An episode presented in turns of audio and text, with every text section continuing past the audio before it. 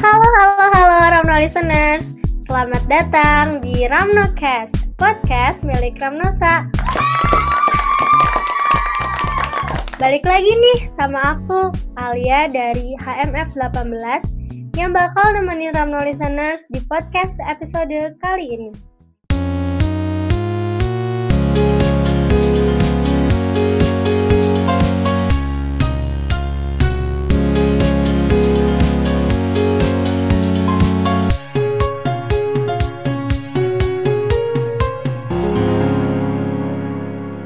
Ramno listeners, kemarin-kemarin rame banget kan ya soal flu babi Tiongkok G4 yang diperkirakan bisa jadi pandemi lagi.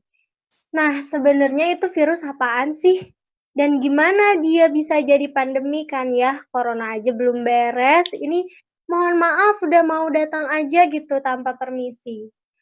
Aku uh, bakalan bahas seluk-beluk soal flu babi G4 ini sama narasumber uh, kece aku yang tersambung via Zoom. Ada Tis Brigita Claudia dan Bro Agisna. Boleh banget nih kita langsung kenalan aja yuk. Aku mau kenalan dulu sama um, cewek cantik dulu nih. Ada Sis Brigita hmm. Claudia. Apa kabar Sis? Boleh nih sapa-sapa Ramno listeners-nya. Halo Ramno listeners, aku Brigita Claudia, biasanya dipanggil Claudia, dari Mikrobiologi Angkatan 2017. Oke, halo Sis Claudia. Sis Clau aja ya aku panggilnya. Halo. Oke.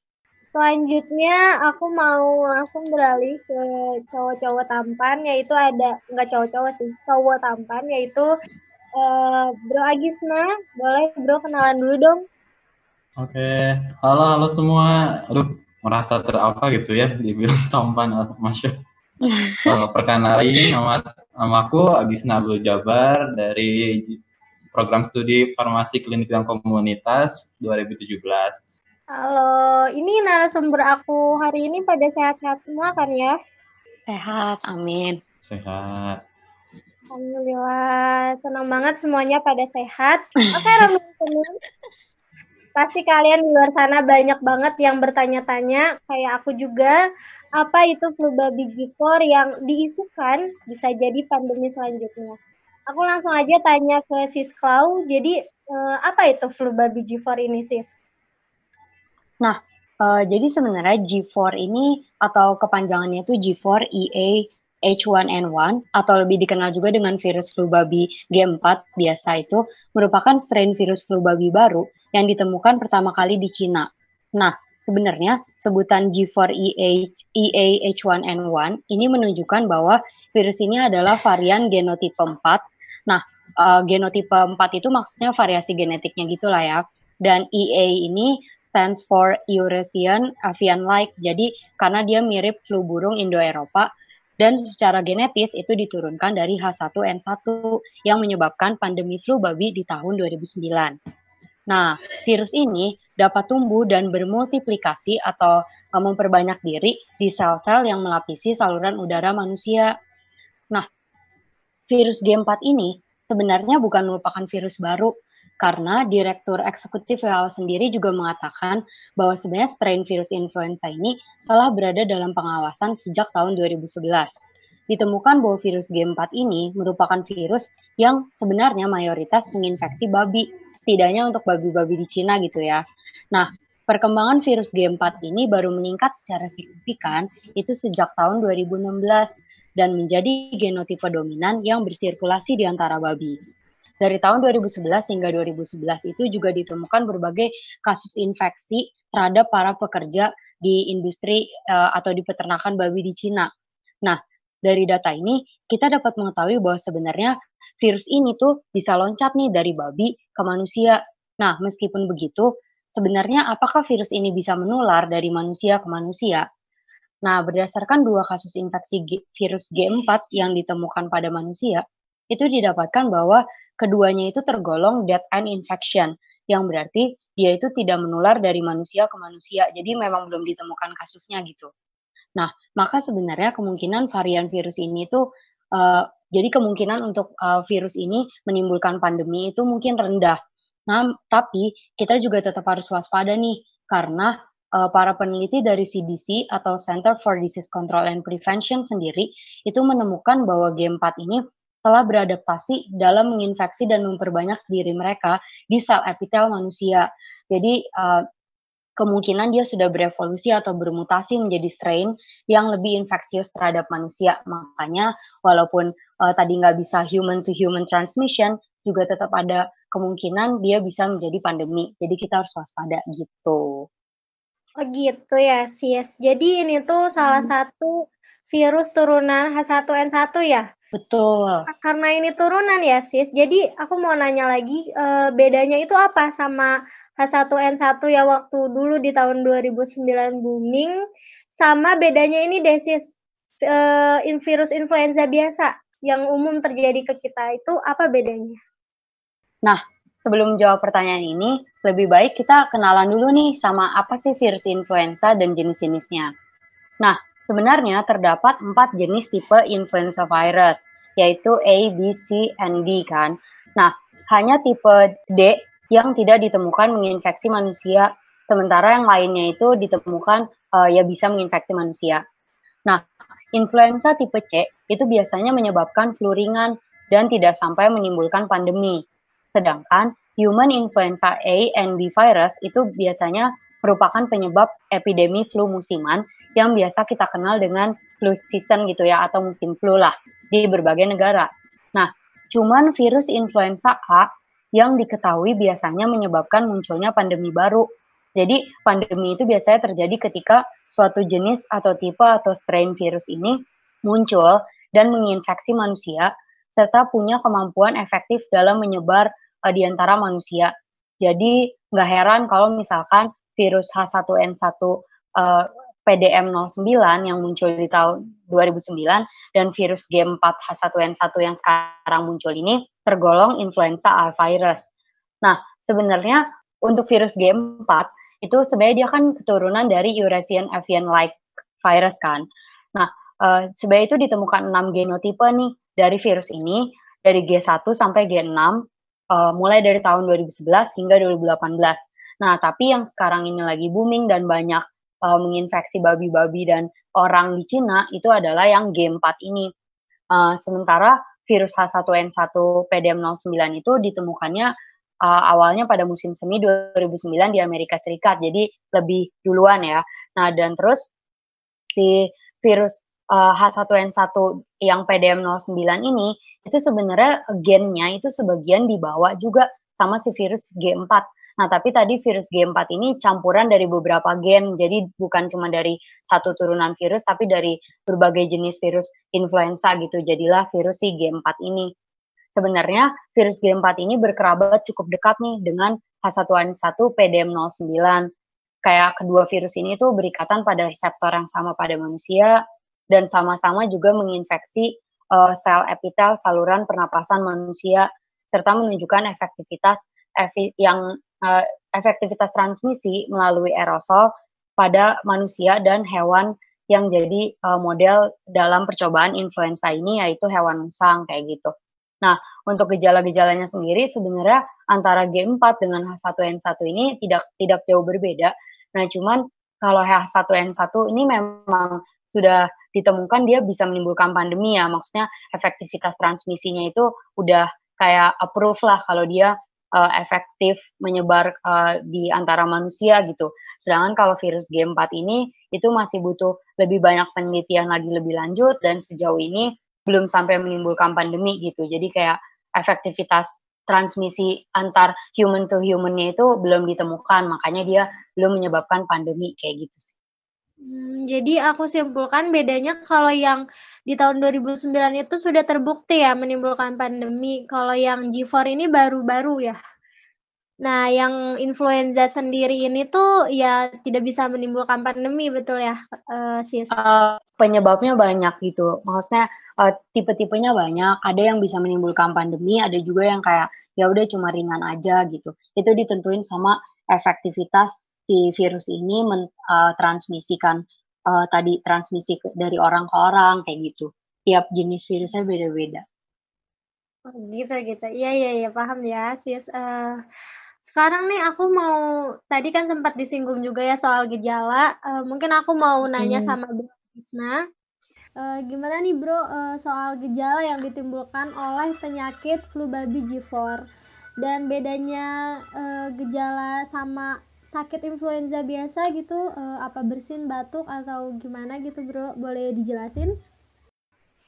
Sebenarnya di beberapa penelitian itu tidak ada perbedaan yang pasti gitu. Proses statistika ya tidak ada perbedaan yang jelas antara uh, virus influenza yang biasa atau seasonal atau yang musiman itu dengan G-force. Karena seperti yang kita ketahui untuk manifestasi klinik flu biasa itu dapat diamati melalui tanda dan gejala dari penyakit tersebut kepada kita selaku manusia biasanya itu kan kayak demam, batuk, sakit selama 3, 3 sampai 7 hari. Nah, selain itu beberapa komplikasi yang dapat terjadi ketika, uh, ketika kita apa sih namanya?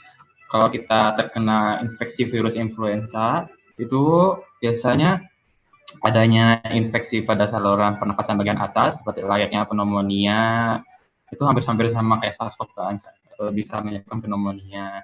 Kemudian yang lebih jauh lagi bisa juga meningitis ataupun Reye syndrome. Nah, biasanya tuh Reye syndrome sih yang paling sering di dirasakan oleh pasien itu sindrom yang dapat menyebabkan kerusakan atau pembengkakan pada hati dan otak dan lain sebagainya.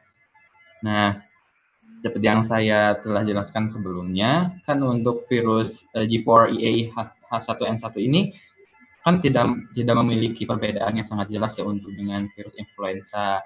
Nah, tapi ada hal yang menarik dari beberapa jurnal yang saya baca, itu katanya di beberapa riset di Cina itu menunjukkan gejala yang cukup khusus, yaitu misalnya kayak batuk, bersin-bersin, dan yang unik adalah adanya penurunan berat badan sekitar 7,3 sampai 98 persen. Nah, namun pas tentunya ini perlu ditinjau kembali apakah benar ini merupakan gejala khusus dari G4 swine flu itu sendiri.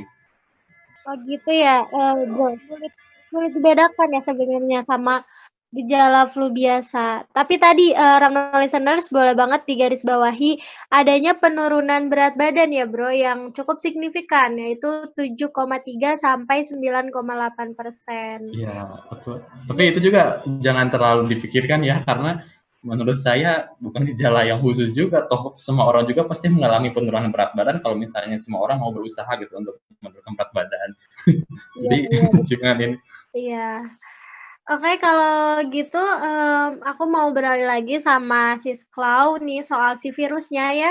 Tadi sempat disinggung kan bisa uh, flu virus flu babi G4 ini menular dari hewan ke manusia, tapi belum ada bukti dari human ke human.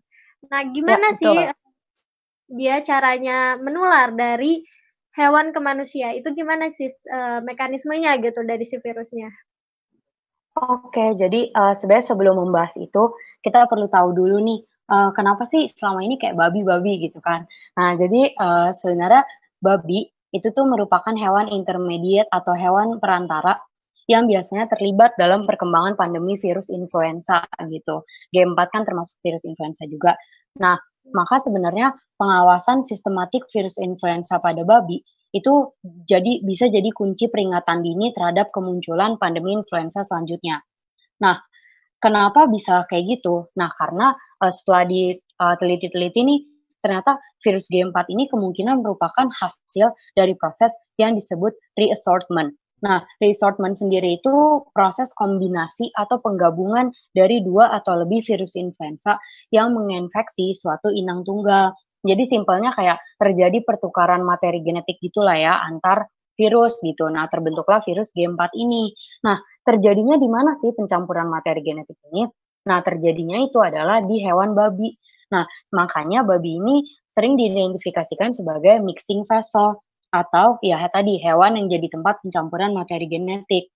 Nah, karena itu sebenarnya uh, menyatakan uh, eh, CDC itu menyatakan kalau manusia itu bisa terinfeksi oleh virus flu babi dari babinya sendiri. Jadi kalau misalnya kasus-kasus yang sekarang itu kita dengar, kita baca, itu sebenarnya untuk virus G4 ini tuh uh, transmisinya dari babi ke manusia itu lewat uh, lewat aerosol, lewat uh, jadi lewat droplet uh, yang ketika manusia itu berinteraksi sama babi. Ya, jadi kayak uh, makanya ditemukannya itu banyak uh, para pekerja yang kayak di peternakan atau di, di industri yang langsung berhubungan sama babi gitu.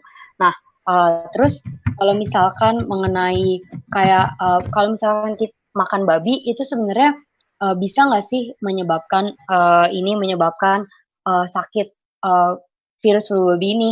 Nah, sebenarnya pertama-tama untungnya di Indonesia sendiri babi itu haram kan ya. Jadi hal ini sebenarnya nggak perlu kita khawatirkan berlebihan. Tapi bagi mereka yang menghalalkan babi, maksudnya orang-orang yang makan babi, sebenarnya apabila daging babi tersebut itu dipreparasi atau dimasak dengan benar dan layak, maka sebenarnya nggak perlu khawatir nih akan terinfeksi virus flu babi karena uh, menurut penelitian kalau misalkan dia dimasak itu hingga kayak di atas ya sekitar 145 derajat Fahrenheit atau sekitar itu sekitar 63 derajat Celcius gitu, maka sebagian besar mikroorganisme penyebab foodborne illness uh, itu udah mati. Nah, demikian juga dengan penyimpanan di freezer atau proses pengawetan lain kayak pengasinan, itu juga bisa mengurangi resiko penyakit akibat memakan babi kayak gitu. Jadi sejauh ini memang uh, penularannya itu adalah lewat udara gitu sih, lewat aerosol tadi atau droplet kayak gitu. Oh gitu ya sis. Jadi uh, Ramno listeners ini lewat aerosol mungkin yang uh, ada ya kerabatnya uh, di peternakan misalnya babi mungkin bisa lebih hati-hati mungkin ya uh, sis. Iya betul. Hmm Yang SARS-CoV-2 kan ya sis dia bisa nempel di benda mati gitu. Nah kalau virus babi G4 ini bisa nggak sis? Terus kalau misalnya bisa, dia kira-kira berapa lama ada di benda mati tersebut?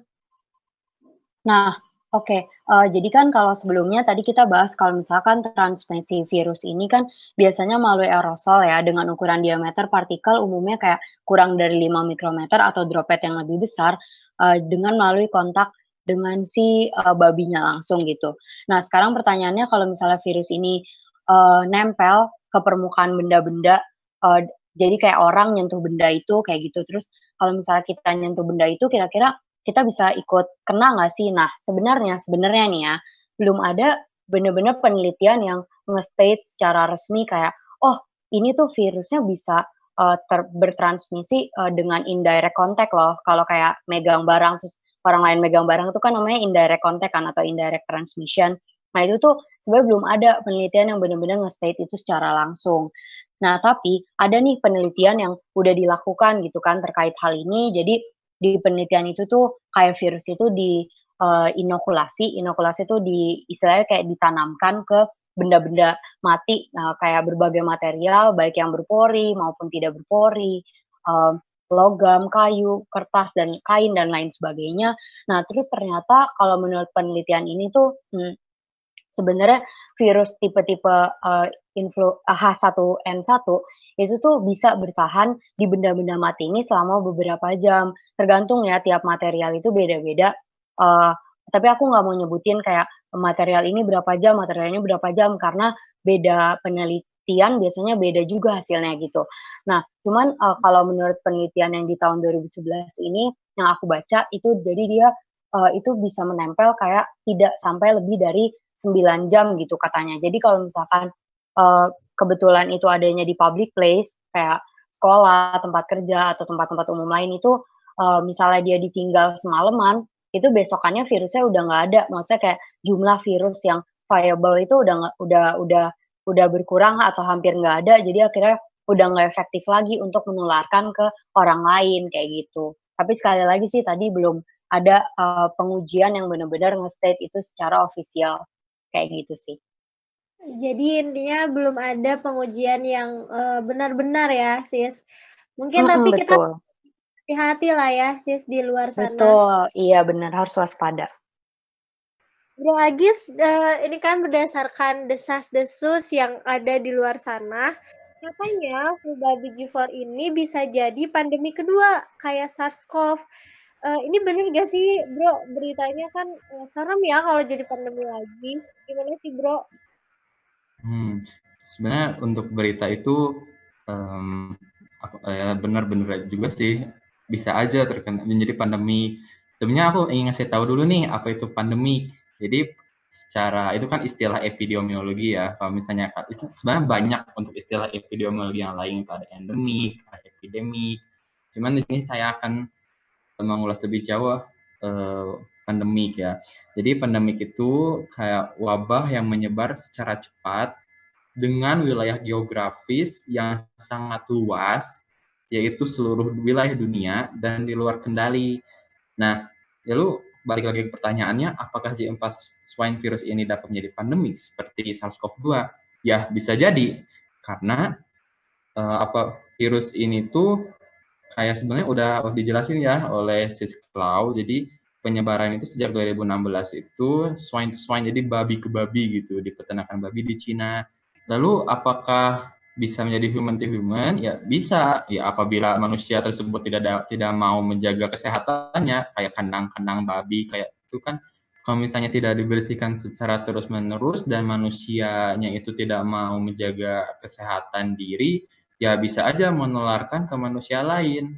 Dan mungkin saja si virus ini akan lebih, maksudnya akan lebih ganas lagi, ya maksudnya bermutasi gitu kan ya. Jadi bisa ke human to human kayak SARS-CoV-2 gitu. Nah, kenapa saya bisa bilang begini? Karena ada salah satu penelitian yang menarik di Cina, katanya dengan menggunakan uh, kambing hitamnya itu si musang. Musang maksud saya musang. Jadi si peneliti tersebut menggunakan dua, dua buah musang, eh maksudnya dua ekor musang yang didekatkan. Satu musang yang terinfeksi dari G4 swine flu ini, kemudian didekatkan dengan musang lain yang sehat. Nah, ternyata si musang yang sehat ini dapat terinfeksi virus G4 swine flu. Nah, oleh karena itu dikhawatirkan juga si G4 swine flu ini dapat menular dapat mengalami penularan human to human. Itu sih. Hmm, gitu ya, Bro. Jadi intinya tetap aja kita harus hati-hati ya, Bro. Ya, betul sekali. Betul. Nah, aku mau uh, berpindah lagi sama Bro Agisna soal bahaya uh, bahaya dari virus flu babi G4 ini. Apa lebih bahaya dari SARS-CoV-2 yang sekarang merebak di mana-mana kan ya? Uh, kalau misalnya lebih bahaya nih, kenapa ya, Bro?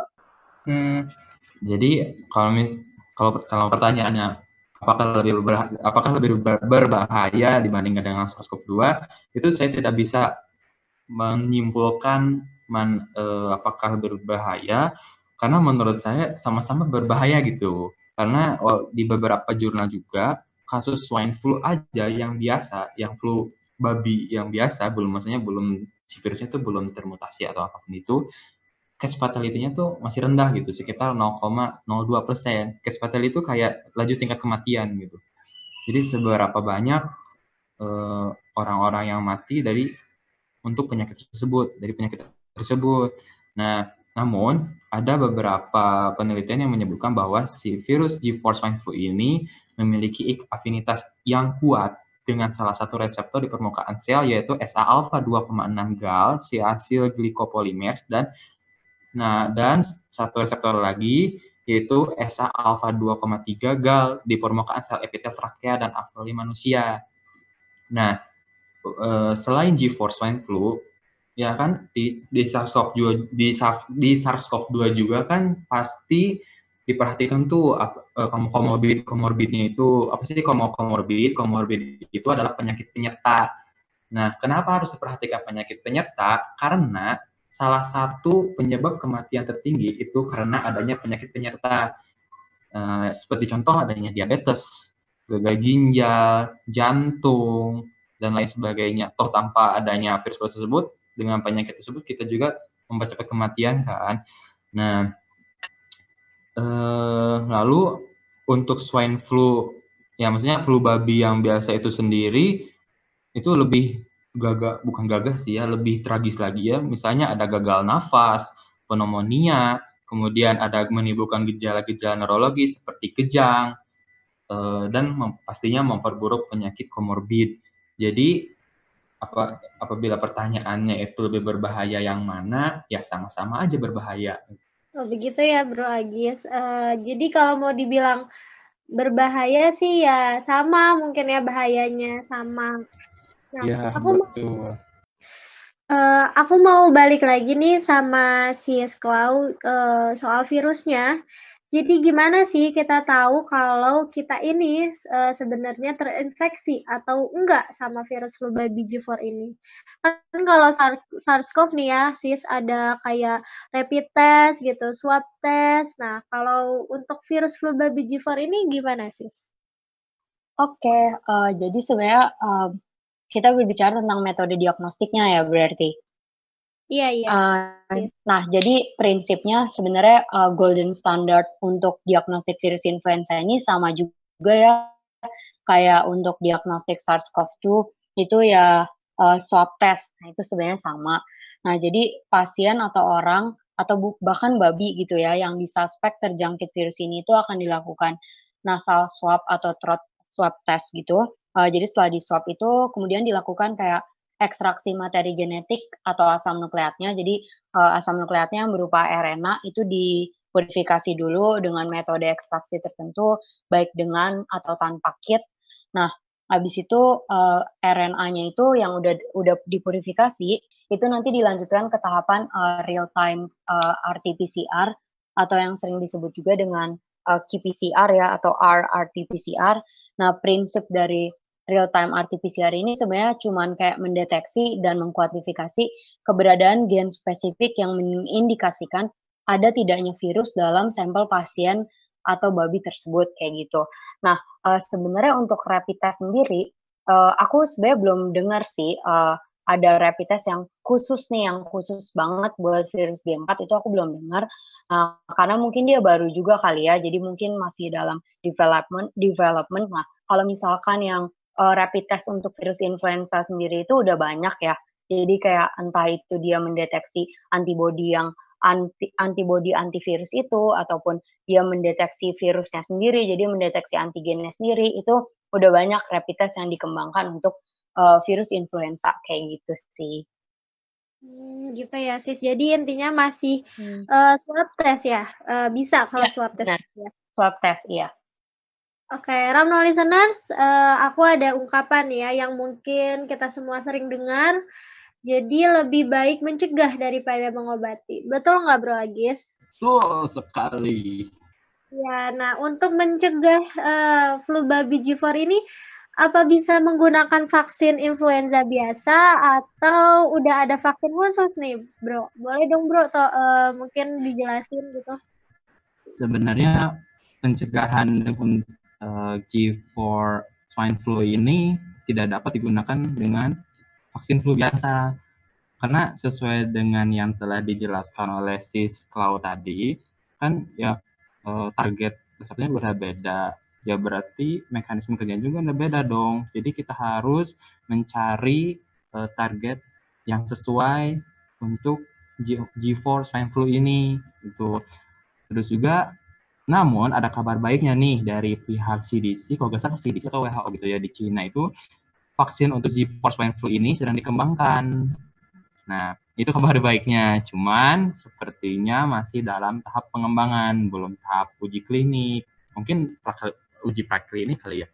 Karena belum ada penelitian yang lebih lanjut. Nah, tapi kalau I guess gitu ya, mungkin ini mah mungkin bisa saja kan ini virus nih. Kita juga bisa menggunakan antiviral seperti yang digunakan untuk atau di saat pandemi swine uh, flu babi. Saat dulu dulu itu kalau nggak salah pakai Tamiflu dengan isi zat aktifnya itu uh, asal Tamifir dan Relenza. Yang isi zat aktifnya itu adalah Zanamivir. Yaitu itu antiviral sih ya tapi itu kan hanya kemungkinan gitu. Tapi lebih baik pakai hmm, vaksin yang lebih manjur gitu yang sesuai untuk G4 swine flu itu. Oh ya, jadi mau nambahin Agis juga yang tadi mengenai vaksin sama antiviral mungkin uh, biar nggak salah paham teman-teman uh, listeners juga. Jadi kalau vaksin itu untuk pencegahan, kalau antiviral itu untuk pengobatan. Jadi untuk kalau udah sakit terus dikasih antiviral kayak gitu sih. Udah. Hmm, ya, tapi seenggaknya ada kabar baik ya, Bro, sudah dikembangkan gitu. Jadi ya, nggak terlalu kaget ya. Betul ya. sekali. Tapi masalahnya gini, Sis. untuk masalah uji klinik aja vaksin yang SARS-CoV-2 itu membutuhkan hampir satu tahun untuk yang SARS-CoV-2 nih. Ya, apalagi yang ini gitu. Ya mungkin sabar aja gitu. Ya semoga uh, semoga nggak parah ya bro ya nggak jadi pandemi lah semoga ya. ya nah terakhir bang, terakhir ya uh, untuk perlindungan diri sendiri ke apa sih protokol yang harus kita lakukan untuk melindungi diri dari flu babi G4 ini?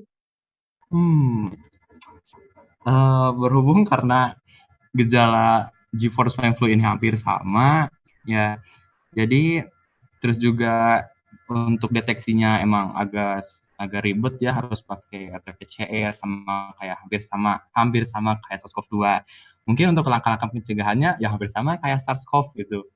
Ya mungkin untuk apabila kamu merasakan gejala-gejala batuk, demam, kayak yang aneh-aneh gitu ya, itu stay at home lah gitu. Jangan keluar rumah gitu. Please ini mah please gitu.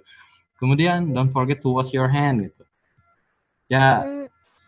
itu pasti di setiap tempat cuci tangan tuh ada gitu ya bagaimana cara mencuci tangan yang baik gitu kemudian yang ketiga itu jangan lupa gunakan masker karena walaupun uh, apa namanya walaupun emang lagi pandemi SARS-CoV, tapi kita juga dapat mencegah adanya virus-virus yang lain masuk ke dalam tubuh gitu.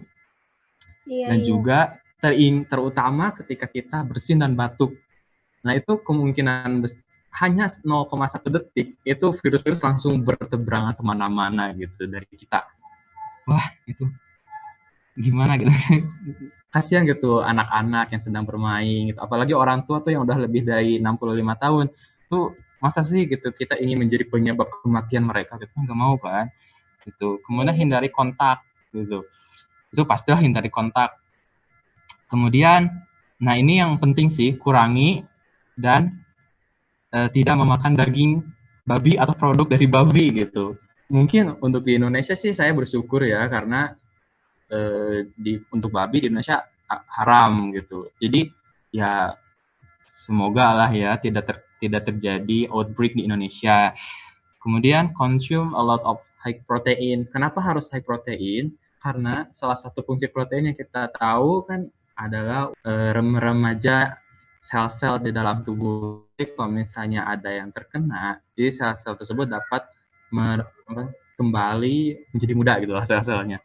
Kemudian jangan lupa berolahraga. Untuk olahraga yang disarankan itu minimal kayak yang berolahraga di rumah gitu misalnya kayak yoga ataupun push up, pull up. Ya kalau misalnya kemungkinan di daerah itu tidak terjadi pandemik atau, atau tidak yang sakit gitu ya, ya mungkin aja bisa lari atau bersepeda. Tapi itu mempunyai risiko yang besar sih untuk eh, penyakit-penyakit uh, seperti ini. Kemudian hal yang paling penting di antara semua poin-poin tersebut adalah segeralah pergi ke dokter apabila merasakan gejala-gejala flu. Udah, banyak nih Bro, uh, kiat-kiatnya ya. Dicatat ya Ramdo listeners, ini penting banget. Apalagi berolah berolahraga walaupun kita di rumah, tapi kita tetap bisa berolahraga. Nah, uh, gimana nih Ramdo listeners? Udah boom banget belum sama ilmu baru dari narasumber Ramnokes kali ini? Dari, uh, Sis Claudia, dari Bro Agisna sekarang kita jadinya udah tahu banget ya si tentang si virus flu babi G4 ini. Kalau aku sih berharapnya semoga dunia akan baik-baik aja ya setelah adanya pandemi SARS-CoV-2. Jangan ditambah-tambah lagi deh. Udah pada nggak kuat kan mau keluar rumah, mau jalan-jalan dengan perasaan yang aman, dengan rasa yang nyaman, dengan kongkong-kongkong gitu kan ya. Ya nggak sih sis, bro? Kalian udah nggak sabar kan mau keluar? betul, betul dong. Biasanya ngedain laprak di luar, weh. ya kan, pada nggak sabar kan Ramno listeners juga.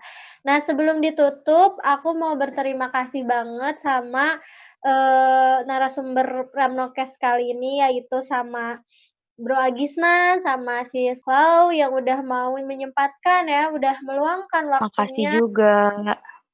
Iya, udah ya. meluangkan banget waktunya untuk berbagi pengetahuan sama kita semua. Nah, uh, Ramno listeners, uh, sebelum ke penutupan ini, aku mau nanya dulu nih, Sis Klau, uh, buat Ramno listeners yang penasaran, mau tahu lebih banyak tentang hal-hal yang mikro, kayak virus gitu, bakteri. Nah, bisa cek Instagram atau misalnya Twitter dari Hima Mikro Arkea ini nggak, Sis? Iya betul. Jadi uh, kita ini uh, Hima Mikro Arkea itu juga ada yang kayak kecil-kecilannya yang kayak kecil-kecilannya Ramnokes gitu ya. Itu namanya microscope. Di situ kita berbagi informasi terkait kayak ya sama terkait pandemi-pandemi gini, terus terkait kayak isu-isu yang sedang hangat, kayak kemarin Enoki, kayak gitu-gitu sih. Jadi mungkin bisa dicek juga Instagram Hima Mikro Arkea gitu atau di Twitternya. Tapi biasanya Instagram sih. Instagramnya Arkea underscore ITB. Oke, okay. dicatat ya, Arkea underscore ITB. Oke, okay, Ramro listener, sekarang aku bakalan masuk nih ke segmen Words of the Week. Silahkan, Sisklau.